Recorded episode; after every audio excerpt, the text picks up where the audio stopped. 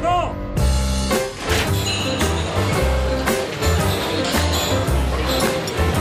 Què tal, Paco, com va això? Sí? Escolta, uh, he vist a fora un cartell que deia que tancaves avui. Ara! Avui, avui baixes la Barciana? No! Ah, o sigui, fas vacances tot el que queda de juliol i tot l'agost. Carai, no sé com et surten els números. Passa'm el telèfon, que truco el Canut.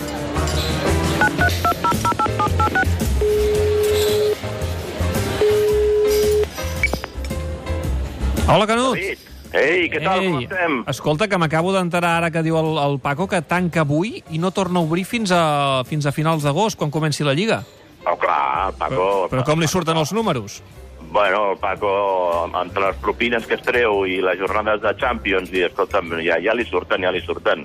A més, pensa, clar, si totes aquestes, aquestes setmanes que, que no hi haurà allò futbol no pot, eh, no pot tenir aquí la gent pendent del televisor, escolta, millor, millor tancar. A més, té, té la caseta allà a Blanes, eh, i se'n va, se'n va cada estiu allà. Ah, té Casablanes, el Paco, no ho sabia. Sí, això em va dir l'altre dia que vaig passar per aquí, em va dir, diu, escolta'm, que me'n vaig ja cap a Blanes, que tinc una caseta des de fa més de 25 anys, i escolta'm, no, no, no, no, no, no. Ves-li darrere tu, Paco, eh? No, no, sí, deu haver fet calaix a la seva vida perquè ja et dic tancar un mes i mig, jo he vist pocs bars que ho facin, però bé, en fi. Bueno, si, si el Barça és capaç de quadrar l'operació Neymar, com no pot tancar el Paco, eh? Sí, no, això també tens raó, tens raó.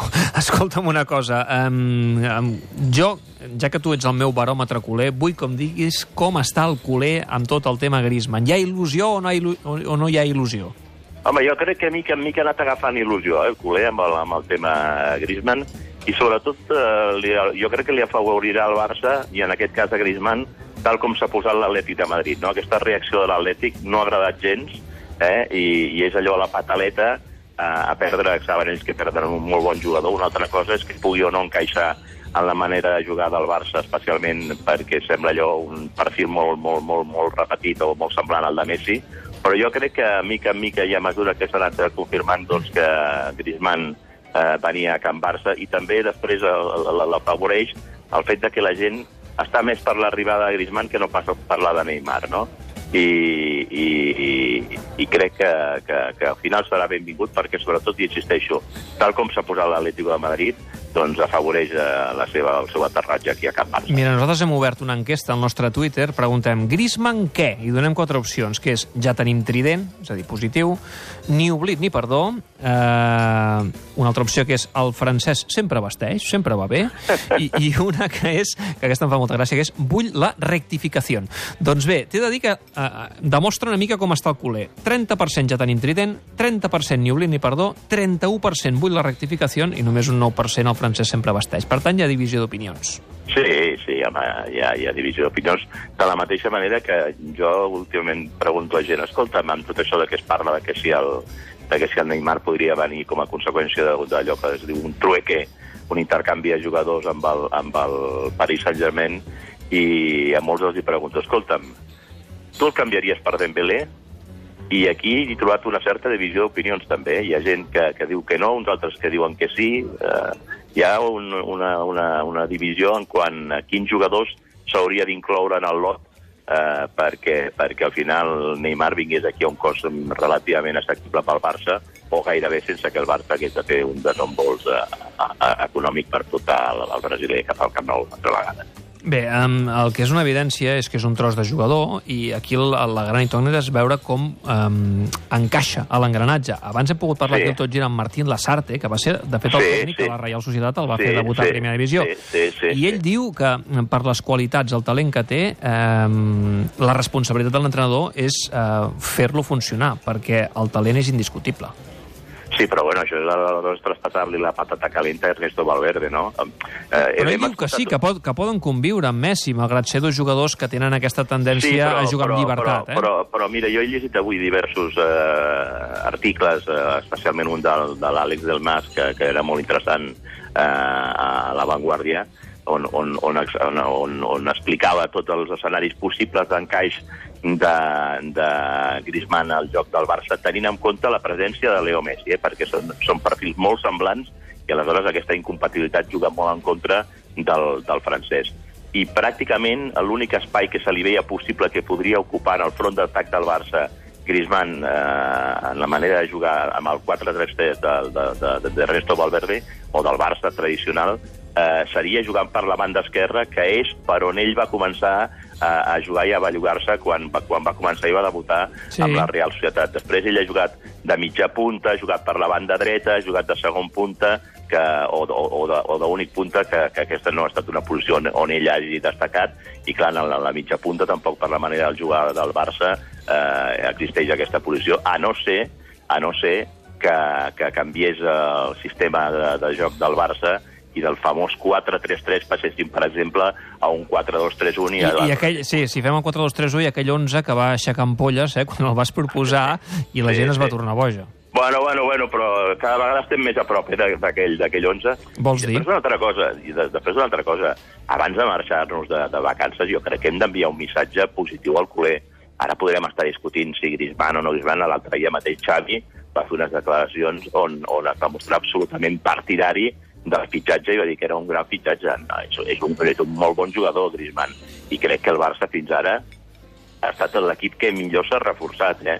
perquè, perquè tu portar-te a, a De Jong en el mig del camp, amb tot el futur que apunta aquest futbolista, i fitxar a Griezmann, que és un jugador absolutament contrastat, són dos reforços de, de, de, de, de primera i de categoria, si no pregunta-li al Paco que... Però no, no, que, no, ens, que, no ens enredarem, no farem un nus.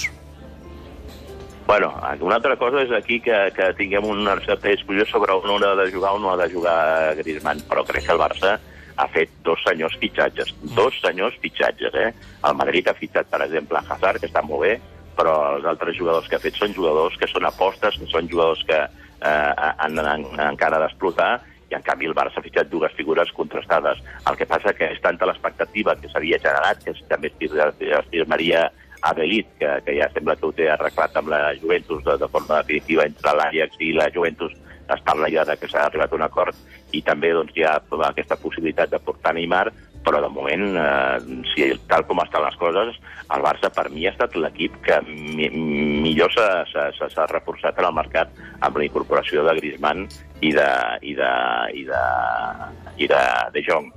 Una altra cosa és que jo personalment, ja saps que, que vaig dir-te fa unes setmanes, jo no em gastaria els calés eh, ni amb Griezmann ni amb Neymar. Tots els calés me'ls apostaria l'any que ve al fitxatge de, de, de Mbappé. Però eh, el que és obvi és que l'actual junta directiva, sabent que només li queda dos anys de mandat, especialment al president, doncs ho vulguin apostar tota una carta i buscar allò que es diu el rendimiento inmediato. Tu que ets gat vell, va, Canut, digue-m'ho. Creus que Neymar eh, vindrà al Barça? Creus que el Barça el fitxarà?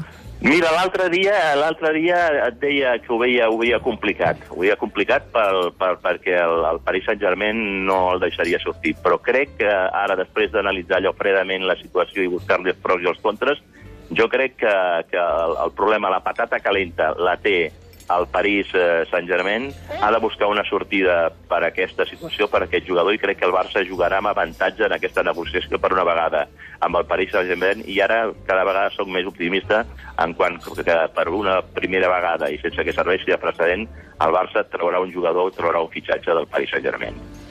Bé, doncs eh, nosaltres tanquem avui la paradeta aquí a l'Snac Barça, però quan tornem em sembla que tindrem tants temes a tocar, Canut, que, Home, que no en farem home. prou amb, amb 15 ni 20 minuts. Però, però estarem molt distrets la temporada que ve. Sí, imagina't. i tant, i tant, serà si, interessant. Si finalment, si finalment es confirmen aquestes expectatives i amb, i amb, i amb, amb l'equip que el Barça pot arribar a formar, més els que també puguin marxar, eh? perquè amb tot aquest intercanvi de cromos veurem, eh, torno a dir-te, hi ha molta gent que, que ara creu que Dembélé és un jugador que ha d'esclatar i que pot ser una estrella del futbol i que l'equip ara al mateix nivell de, de, de, de Neymar. Jo crec que en aquest moment, encara futbolísticament parlant, Neymar està per sobre de Dembélé i bastant per sobre de Dembélé.